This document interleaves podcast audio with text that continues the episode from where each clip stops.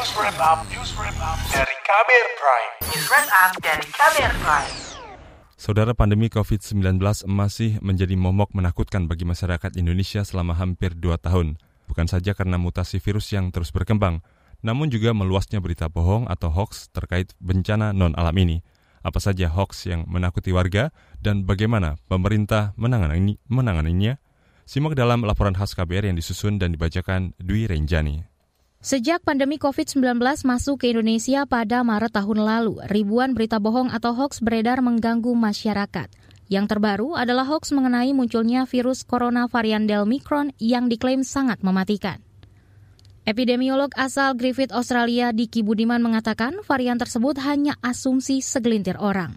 Itu hoax ya dan harus hati-hati terutama kalau media dari India, sebagian juga media China harus diklarifikasi gitu ya karena begini Delmicron itu lahir dari konspirasi atau teori yang menghubung-hubungkan mengkait-kaitkan antara Delta dan Omicron. Tapi kalau bicara varian baru itu kita bisa pantau itu di GIS-8 dan semua bisa mengakses itu sebetulnya. Dan tidak ada saat ini yang tas perkawinan dua gitu ya, rekombinan namanya dari dua varian itu. Yang ada itu potensi rekombinan nah ada di Brazil saat ini ya dengan antara gamma dengan uh, turunan atau subvarian dari delta. Ada itu. Selain kabar bohong varian Delmicron, isu negatif tentang vaksin COVID-19 untuk anak juga muncul di tengah gencarnya pemerintah memberikan imunisasi jelang pembelajaran tatap muka Januari mendatang.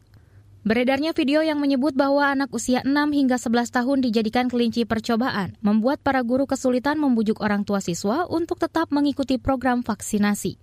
Ini dialami Mutia, seorang guru sekolah dasar di Bandung.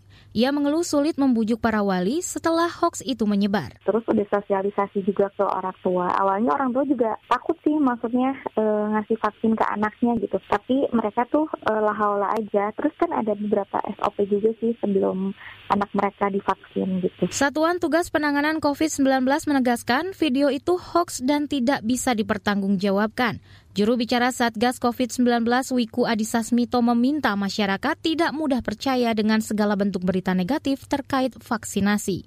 Adapun video yang beredar yang menyatakan vaksinasi menjadikan anak-anak sebagai kelinci percobaan adalah hoax yang sangat tidak bertanggung jawab. Untuk menjawab hoax tersebut, harap masyarakat mencermati fakta-fakta berikut ini. Pertama, vaksin jenis Sinovac baik yang langsung diproduksi oleh Sinovac di Cina atau CoronaVac maupun yang diolah oleh Bio Farma telah mendapatkan persetujuan penggunaan pada masa darurat atau emergency use authorizations serta penerbitan nomor izin edar NIE dari Badan POM. Jumlah hoax yang beredar di masyarakat terus bertambah selama setahun ke belakang. Data dari Kementerian Komunikasi dan Informatika menyebut ada 5.000 lebih berita hoax yang beredar dan mempengaruhi sikap masyarakat dalam menghadapi pandemi.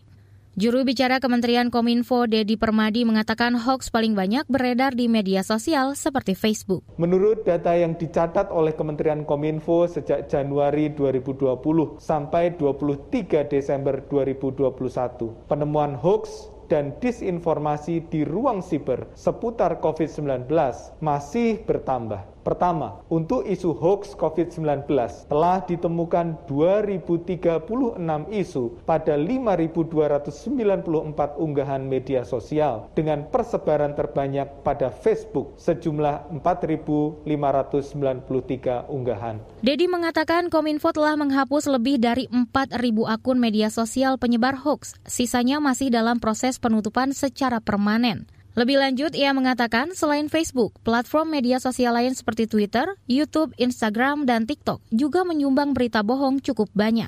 Dedi mengimbau agar masyarakat bijak ketika mengkonsumsi informasi dari media sosial. Ia mengatakan masyarakat harus selalu melakukan verifikasi berulang dan juga mencari informasi dari sumber terpercaya. Bapak, Ibu, dan rekan-rekan jurnalis sekalian, bahaya dari virus COVID-19 harus kita sadari bersama. Jangan sampai kita percaya dengan informasi yang tidak benar dan menganggap COVID-19 telah lenyap. Bagi seluruh masyarakat Indonesia, Mari kita hentikan persebaran hoax, gunakan masker dengan benar, dukung upaya vaksinasi, dan ikut serta dalam menekan angka persebaran COVID-19 di tanah air. Demikian laporan khas KBR. Saya Dwi Renjani.